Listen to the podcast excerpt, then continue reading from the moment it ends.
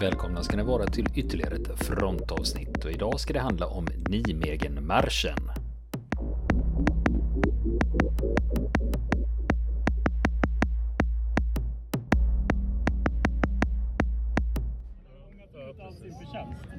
Ja, Johannes Harg, nu sitter vi i gräset inne på Charlemagne här. Hur känns det? Ja, det känns skitbra. Nu är vi äntligen framme och fy fan vad bra det har gått. Ja, men du, den här gatan via Gladiola, visste du att den var så jävla lång? Ja, och det värsta är att den är ju längre. Det är ju den vi ska gå ordentligt nu. Men nu är det segervarvet. För det är ju så, har man gått 16 mil, varför inte gå en halv mil till? Ja, det är ju så att man eh, när man kommit in här och blivit medaljerade av eh, Hemvärnets chef Laura Svan Brede. Och nu sitter vi här och väntar och vi ska ju ta ett, ett eh, ärevarv på stan. Exakt. Och eh, allt som vi har känt tidigare, att man känner sig som en eh, rockstjärna som går igenom städerna. Det här kommer klå allt det, jag lovar.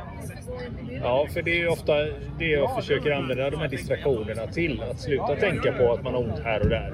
Ja, nej men så är det. Alltså, går du ute på en eh, väg, om man bortser från den här, som, en del som vi gick idag där det var lite dimmigt och det var väldigt vackert, man gick i en allé.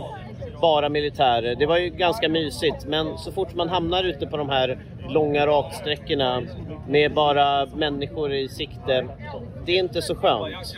Men eh, så fort man hör någon spela dunka-dunka, någon står och hejar, ja, det blir bara bra. Fantastiskt. Ja. Och nu är det dags att dra på sig grejerna och börja flytta på sig verkar det som. Ja, nu ska vi visa stan vad vi gjorde av.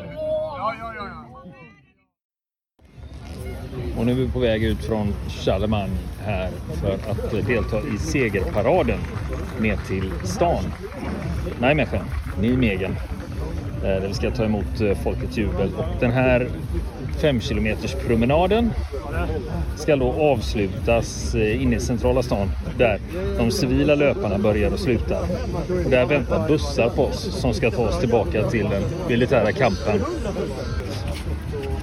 Och nu har fått sin medalj av chefen för hemvärnet. De är inte så jävla sugen på att kalla fem kilometer till. Men eh, okej, okay, det är det som ingår i dealen här.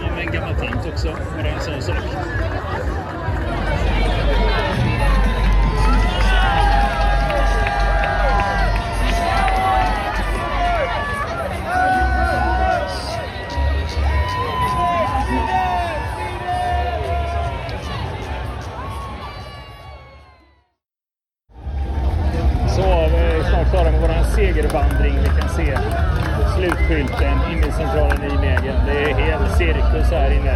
Ett jävla liv. Och folk är superglada och på fantastiskt fint humör. Det är väldigt, väldigt roligt att se. Även bland deltagarna här så är man glada och hälsar på varandra och gratulerar varandra. Nu är bara 200 meter kvar. Sen är vi färdiga med paraden.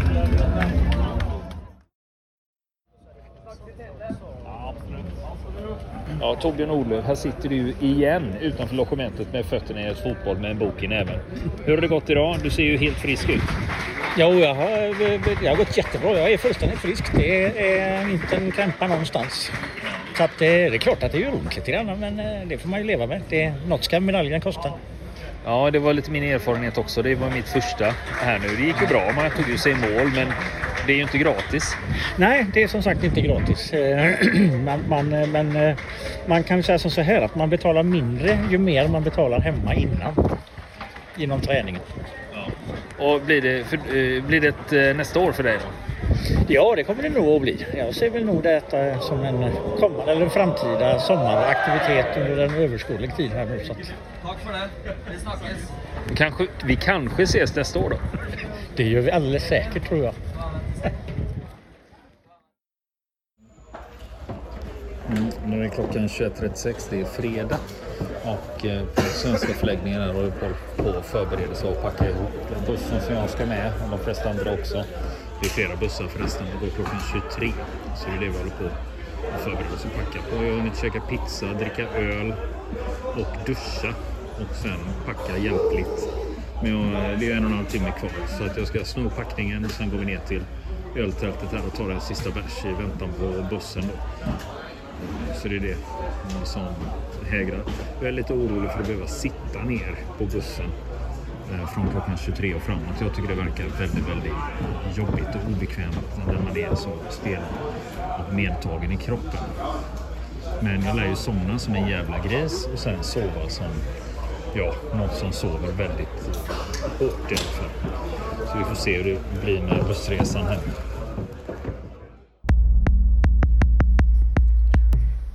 Nu är det söndag morgon förmiddag. Klockan är mellan 9 och 10 och jag sitter ute på däcket och dricker kaffe hemma.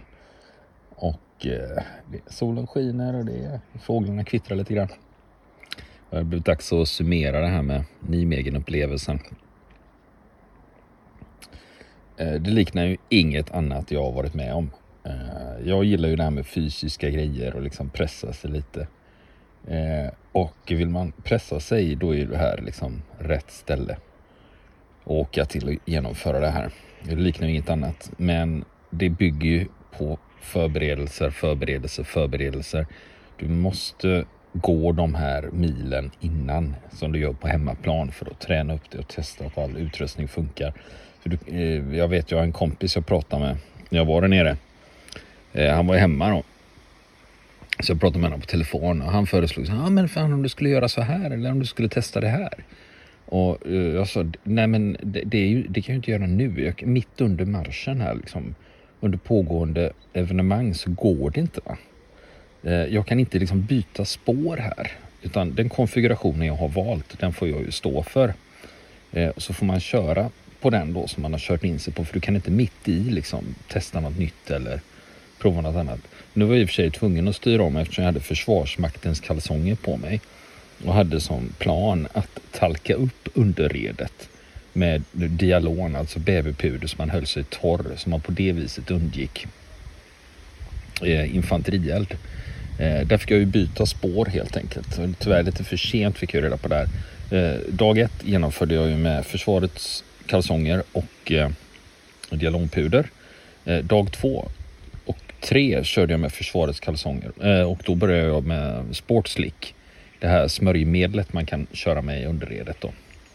Och det blir ju bättre resultat. Men sen inför dag fyra då gick jag över och gick till civila kalsonger som inte är som är lite mildare i tyget, inte lika grovt. Då. Och det gav ju eh, positivt resultat. Nu är det alltid svårt att veta om, hade det blivit samma, jag hade fortsatt med Försvarsmaktens kalsonger eller eh, om jag, eh, nu när jag gick i civila då. Eh, det är svårt att säga, men eh, ont gjorde det. Ja, det gör det. Eh, och, eh, men eh, det handlar om att komma i mål va, utan några större skador. Jag märkte det nu när jag skulle ut här att eh, de träskorna jag har i vanliga fall passar inte. Utan eh, fötterna har blivit, eh, de är fortfarande svullna helt enkelt och det är ömt under dem också. Jag har börjat packa upp lite smått. Jag har packat upp medaljen i alla fall. Och det coin vi fick av eh, ledningen för Svenska Nijmegen-delegationen. Vi blev utsedda till eh, bästa grupp. Föredömlig grupp kallades stod det på coinet då. Det är roligt när man går i en öppen grupp med 14 medlemmar då, som inte känner varandra som tidigare.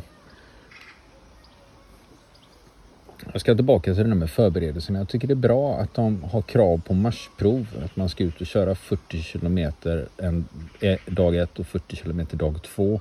För att liksom förstå innebörden av de här distanserna. Att ut och gå så här långt med, med den här typen av grejer på sig. En del jag har pratat med civilister om uh, har ju sagt det där med att oj men oj vad jobbigt för er som måste gå i kängor. Men jag tänkte liksom, men frågan är hur är det bättre eller sämre än att gå i mina, till exempel mina löparskor då som är anpassade för att man är väldigt lätt och att man har ett löpsteg. Jag vet faktiskt inte om det är bättre eller sämre än kängor. Det är väl en, snarare en spekulation. Det kan ju också vara bra att man har något som är lite kraftigare och stabilare.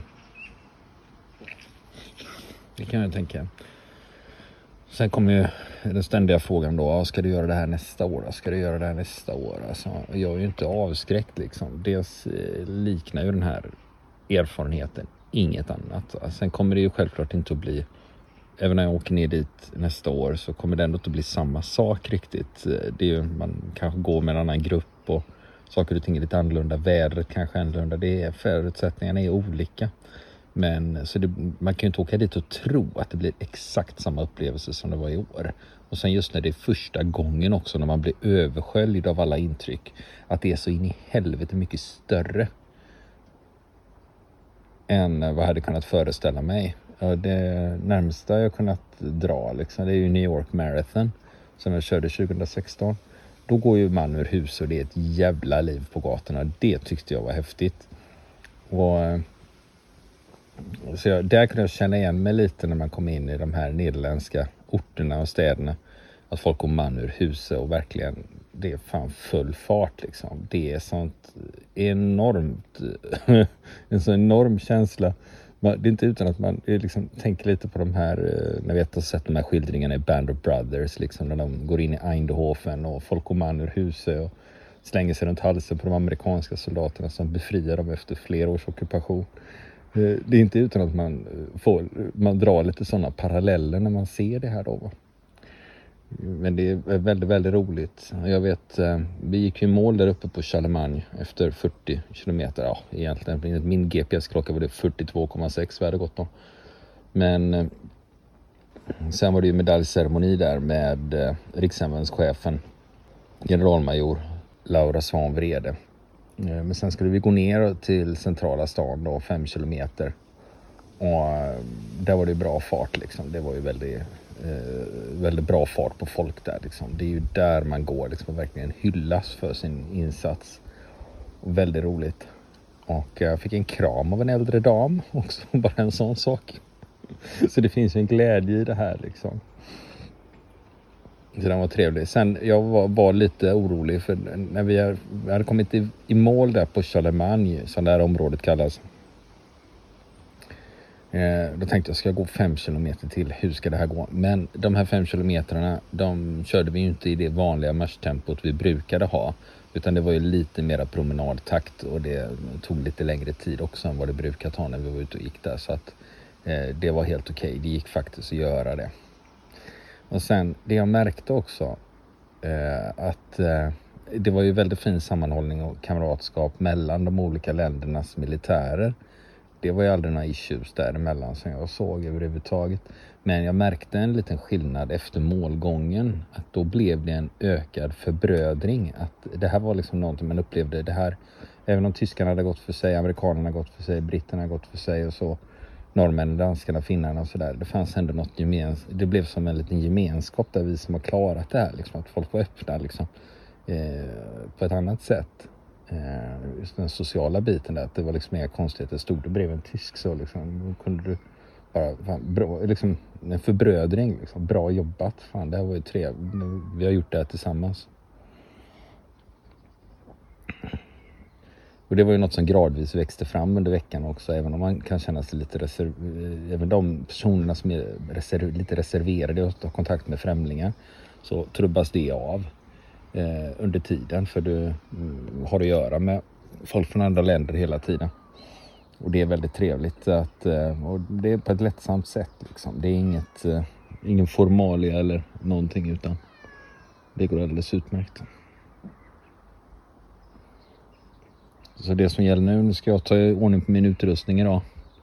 Kanske börja tvätta lite och eh, sen eh, kroppen, det är inget mer att göra nu än att vårda den, vila. Fötterna måste få svullna ner. Som tur är var jag smart. Jag hade tagit med mig mina vandringsskor ner eh, till eh, Nijmegen. Det gjorde att det är storlek 44 på dem. Och de är lite för stora för mig egentligen. Men det beror på att jag, när jag är ute på vandring då, långvandring, då har jag ju dubbla vandringsstrumpor i. Och då behöver jag lite större. Men nu var det faktiskt ganska lagom att ha ett par tunna sockar på sig och bara ha på sig dem. Så för ett, ett par normala skor jag använder i vardagen, det kommer jag inte i just nu då. Får vänta på att fötterna eh, går ner i svullnad. Men fötterna har klarat sig bra. Inga skav, inga blåsor har jag sagt tidigare. Men när jag kom hem och tog av tejp och sådana grejer, då märkte jag det att eh, det finns faktiskt en liten, liten blåsa som är ungefär 3 gånger 2 millimeter. Den sitter ungefär om höger stortå, om man kan tänka sig höger stortå knoge. För då förstår ni ungefär den lilla placeringen där. Men det, den är så pytteliten och den påverkar ingenting utan den får helt enkelt bara läka ut av sig själv. Här kommer inte att punkteras någonting och nej, jag kommer inte uppsöka sjukvården för det heller utan det är bara att låta den läka ut. Men det tyckte jag var ett väldigt bra resultat eh, just med fötterna som jag man vet ju inte. Jag kan ju förbereda mig, förbereda mig, förbereda mig. Men sen vet jag ju inte vad som händer med fötterna när jag väl sätter igång och utsätter dem för sådana här grejer. Va? Ett tag tänkte jag att men tänk om det blir så att hela det gjorde sig, jag var så öm under fötterna när jag gick så tänkte jag men tänk om hela fotsulan bara liksom lossnar och ramlar av. Liksom att den lossnar från det som håller fast den då. Eh, Sådana skräcktankar fick jag liksom. Men eh, det har den bevisligen inte gjort. Då. Så att eh, Ja, man får ha lite, alltså, det är en kombination av förberedelser och eh, viss lyhördhet under genomförandet. Och sen tur också, för du kan råka ut för grejer. Va? Eh, till exempel att man snubblar på någonting, sparkar i något, trampar snett, ramlar till. Du vet, sådana risker finns ju och där, om det vill sig illa så får du bryta. Eh, om, om du inte klarar det liksom. Sen får man vara lite beredd på det här med, vi har ju, på M90 har vi ju benfickor va. Och där kan det lätt bli skav i anslutning till sömmarna och det behöver, du behöver knappt ha någonting i de benfickorna för att det ska börja bli problem med de sömmarna som ligger mot knävecken då. Och eh, även eh, runt själva byxfickan som sitter högre upp, Jag hade grejer. Jag kunde också märka begynnande skav men det jag gjorde var bara att tejpa, eh, tejpa sätta tejplappar på knävecken och på låren där eh, ficksömmarna liksom skavde mot så var liksom det problemet löst och så var det bara att fortsätta gå. Så att eh, det var lite lustigt när vi åkte hem nu. Jag gick i shorts, jag hade kvar tejpen på knävecken då. Då var det direkt en av de andra deltagarna som så fick syn på det. Liksom han direkt bara, ah, benfickorna eller hur? Eh, ja, för han hade ju också samma erfarenheter då. Så det är sådana här saker, man plockar ju med sig erfarenheter eh, i det här och det är ju också att sannolikheten att om jag deltar nästa år att mitt deltagande kommer att vara bättre. För nu har jag med mig erfarenheter. Sen kommer det att vara helt andra förutsättningar och det bygger på att jag har tränat lika mycket eller mer. Skulle jag, alltså det är alltid så fort du är med. När du står i startfållan på ett lopp till exempel. Då tänker man alltid, fan jag borde tränat mer. Ja, det borde man. Man borde alltid tränat mer och det kan jag ju känna här också. Nu gick det här att genomföra utifrån de förutsättningarna jag hade och de 300 kilometrarna jag har tränat i vår. Då. Och sen under vintern har jag haft lite underhållspromenader med 8 kilometer i veckan ungefär. Så att, eh, det var ju först efter det som jag började liksom öka i intensiteten och öka i distanserna. Men som vanligt, som jag brukar säga, att den vanligaste manliga egenskapen det är att överskatta sin egen förmåga. Och framförallt eh, jag som är 50 nu. Eh, då blir det lätt sådär att ja, men när jag var 22 då kunde jag bla bla bla bla bla bla. Ja, jo det kunde jag men nu är jag lite äldre. Det har inte riktigt samma förutsättningar och pannben räcker inte här. Va? Pannben eh, måste du ha också men du kan inte bara liksom köra på pannbenet då. Utan det kräver eh, förutsättningar och en lyhördhet under genomförandet. Så det är en rad faktorer och sen också att du Nu hade jag också en tur, jag hade väldigt, väldigt bra gruppledare som skötte gruppen fantastiskt bra. Superimpad. Hon har i och för sig gått, det var hennes tionde gång nu hon gick, så hon har varit med förut och gått som ställföreträdande gruppledare förut. Så. Men det handlar ju också om att hitta, läsa av gruppen och se vilket skick är den i, hur mycket kan jag pressa den? För risken är att man vill hålla sina tider och gå i mål väldigt tidigt. Och då är risken att man eh, kör slut gruppen, va? att man, eh, någon pajar eh, helt enkelt. Då får du inte in hela gruppen i mål och då har du misslyckats som gruppledare. Då. Som matchledare är det ju att du ska få in din grupp i mål. Sen är det ju trevligt om du får in dem på en bra tid och alla är i bra skick liksom. Men du vill ha in allihop liksom. Det är extra roligt. Och så var det ju extra roligt att bli utsedda till bästa grupp bland de svenska grupperna. Det tyckte jag var lite, lite hedersamt faktiskt. Jag tycker jag tycker sånt är kul. Men eh, man kunde ju hamnat i någon, eh, eh, någon, annan typ av... Man kunde ju haft en annan typ av matchledare som, jag, som kanske inte hade haft rätt inställning till saker och ting. Eh, och inte månat om gruppen på samma sätt. Och det kan också bli slitningar i en gruppsammansättning. Man vet ju aldrig hur den är. Det är luriga grejer men eh, den gruppen jag var med i, för eh, det var 14 främlingar.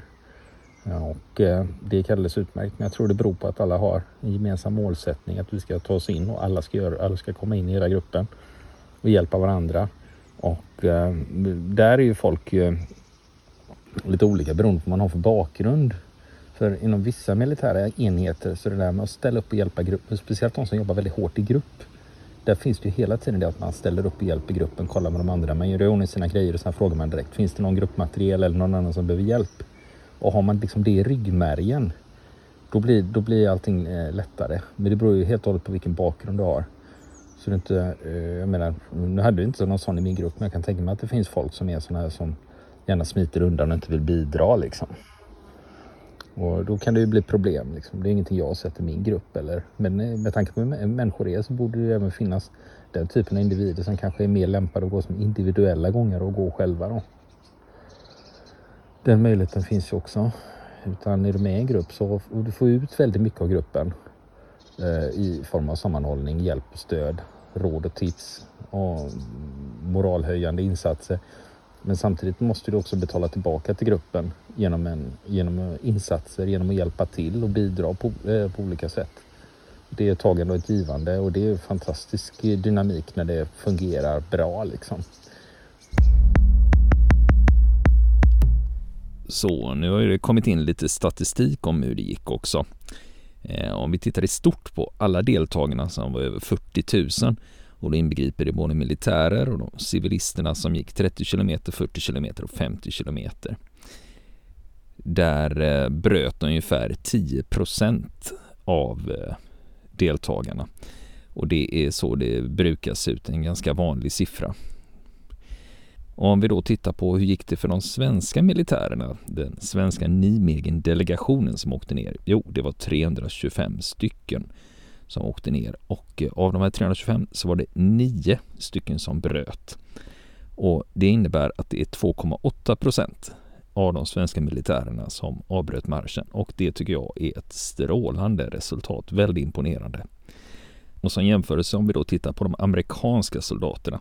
De hade skickat dit över 500 stycken och av dem så bröt 15 procent alltså 15 procent av de startande amerikanska soldaterna bröt någon gång under de här fyra dagarna. Om man då sätter det i jämförelse med Sveriges 2,8 procent så tycker jag det säger en hel del. Jag hittar ingen vettig förklaring på det här att de här siffrorna diffar så mycket mer än att eh, försvarsutbildarna som arrangerar det här tar det på allvar och vill ha hög kvalitet på soldaterna som kommer ner och man ställer krav på dem också. Jag tror det är det som krävs för att man överhuvudtaget ska klara en sån här sak. Men det tycker jag är helt rätt. En fråga som har dykt upp under resans gång här, det har varit det här med tejpning, strumpor och kängor. Och det är ju en hel vetenskap och framförallt en sån här sak hur man väljer kängor för det är så enormt individuellt vad folk gillar och vad folk inte gillar och vad som passar vilka fötter. Eh, så det är lurigt. Man måste helt enkelt prova sig fram och se vad man hittar och se vad man kan hitta för eh, konfiguration som passar en själv. Eh, jag kör i försvarets M90-känga. Eh, och där har jag stålgrå strumpa och den tjocka gröna ullstrumpan. Nu har inte jag originalinläggen utan jag har specialgjutna inlägg som jag har fått i en löparbutik där de skannar av foten och sen tar de fram inlägg då som är formgjutna efter mina fötter. Problemet jag hade med dem, det var att eh, de var faktiskt lite för små för att passa i kängan, så de låg inte still i kängorna. Så jag tog dubbelhäftande matttejp, som man har när man lägger heltäckningsmattor, och så la jag i det så att eh, inläggen inte ska åka fram och tillbaka, för det var problemet när jag provade det första gången. Och sen var jag var ute och gå mycket. Sen har vi det där med tejpning. Det finns kurser att gå och sen kan man också få hjälp på plats. Men det här är ju någonting man ska prova ut innan. Så när man väl kommer dit ska man inte börja experimentera. Eh, jag kör med 5 cm leukoplast som går att köpa på vilket apotek som helst.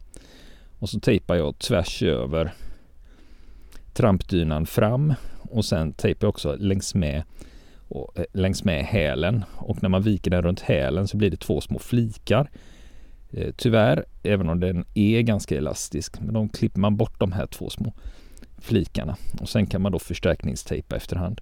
Men det är också en sån här sak som man provar ut under våren för att se vad som funkar, vilken typ av tejpning. Sen finns det mängder med olika typer av tejp som folk använder. Men som sagt, det är något man får prova sig fram och lyssna på andra och se vad de kommer fram till. Man kan lyssna på andra och sen testa grejer. Men du kan inte testa när du väl är där nere. Va? Det är svårt att byta spår då. Apropå kängor så har jag fått lära mig ett uttryck också och det är Mindel-tå. Och det är kängtillverkaren Mindel. De tillverkar väldigt populära kängor. Den ska vara lite trång på sidan. Vilket gör att många får problem med lilltån då när, det, när fötterna svullnar upp. För det här är ju lite lurigt för att när du har helt fräscha fötter, då är de ju mindre och sen eh, i takt med att du går så svullnar de ju upp. Så då måste man ha lite beredskap på att det kan hända. Eh, mina egna kängor har alltid känts väldigt bekväma och stora där fram. Men i takt med att mina fötter svullnade så blev det, en, blev det lite trängre. Eh, framförallt över främre snörhålen som sitter längst fram kunde jag känna att där var det nästan lite trångt. Jag fick också en liten, liten, liten blåsa sista dagen där. Och där finns det också sätt hur man kan snöra kängorna för att det ska vara olika belastning på foten. Men det är som vanligt bara att vara ute och gå och prova sig fram för att se. För att hitta en vettig lösning på det där. Och jag är övertygad om att många som har lyssnat på det här känner det här, men det här verkar ju häftigt, det här verkar vara någonting för mig. Hur kommer man med då? Jo, det är försvarsutbildarna, alltså det som hette FBU, frivillig befälsutbildning hette ju det förr i tiden. De heter nu med Försvarsutbildarna och det är de som arrangerar eh, den svenska Nijmegen-delegationen. Och i februari varje år så öppnar de upp anmälan på sin hemsida och då handlar det om eh, att vara snabb där och anmäla sig precis när de har öppnat så man kan komma med och åka ner där. Och sen har vi det här med att det faktiskt kostar pengar. Anmälningsavgiften är ju 5100 kronor och sen tillkommer då resa och i mitt fall var det 2 4 som eh, jag betalade för att åka buss fram och tillbaka från Göteborg. Så summa där 7500 kronor. Sen är det det att vi kommer ner på söndagen och det innebär att vi ska betala en liten extra avgift för att vi är där ett eh, dygn extra så att säga och då ligger den på 40 euro. Men eh, ni som har möjlighet till det här med friskvårdsbidrag ni kan faktiskt utnyttja det så att ni får i alla fall lite rabatt på den här resan. Sen ska man också fundera över om man vill gå som individuell gångare eller om man vill gå i en grupp. Och sen finns det också ytterligare en möjlighet att lösa det här. Det är att man går som civil gångare, det vill säga man anmäler sig direkt till firdagse.nl som det heter. Sen finns det ju de här unika grejerna som man fick uppleva också. Eh, jag trodde ju själv att eh, det som skulle göra mig mest känslomässigt berörd skulle vara medaljeringsceremonin. Eh, och det var ju, på ett sätt var det ju det, men Eh, det var det starkaste känslomässiga minne jag har. Det är faktiskt någon timme innan medaljeringsceremonin. Det var så, vi hade ju gått ut från Nijmegen söderut och sen hade vi vänt upp och så gick vi norrut mot Nijmegen igen. Och då kom vi ut på en smalare landsväg. Och då kom vi upp jämsides med en annan svensk marschgrupp. Vi har gått 31, 32, 33 kilometer någonstans. Och det är också det att man börjar få lite vittring att fan det här ska nog gå vägen. Vi kommer upp jämsides med en annan svensk marschgrupp. En av deltagarna i den andra gruppen har en bluetooth-högtalare hängande på ryggsäcken som spelar låtar. Och precis när vi kommer upp jämsides med dem, då börjar den spela Kentas Just idag är jag stark. Och alla börjar sjunga med i den låten. Och när 30 svenskar unisont går och sjunger den låten så det dånar över fälten. Blir man inte känslomässigt berörd då så är man fan död. Och sen kommer man alltid till den stora frågan om man har gjort det här en gång. Ska man prova på det här igen då? Ja, i, precis i anslutning till att vi hade gjort det så var man inte så sugen, man var ganska färdig. Men eh, så går det ett tag och så börjar man fundera lite att ja men kanske. Men samtidigt så är det ju en aktivitet som kräver tid för att vara ute och gå långa sträckor tar enorm tid. Det är skillnad när man håller på med löpning. Då kan man bara sticka ut och köra 5 kilometer eller köra en mil eller något. Det tar inte så mycket tid.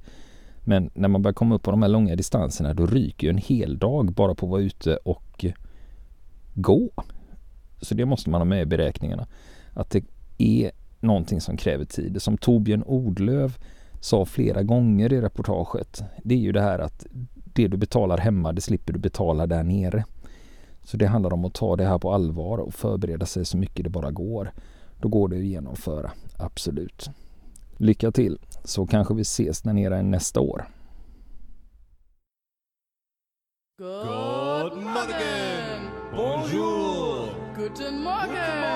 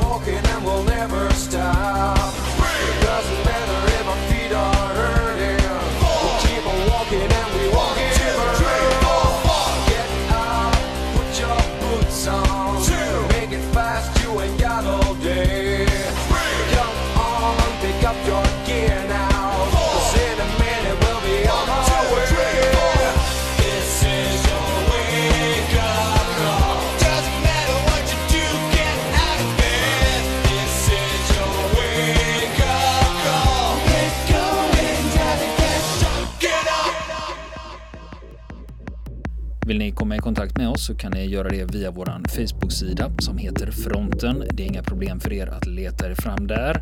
Eller också så mejlar ni på vår mejladress och det är frontenpodcast@gmail.com.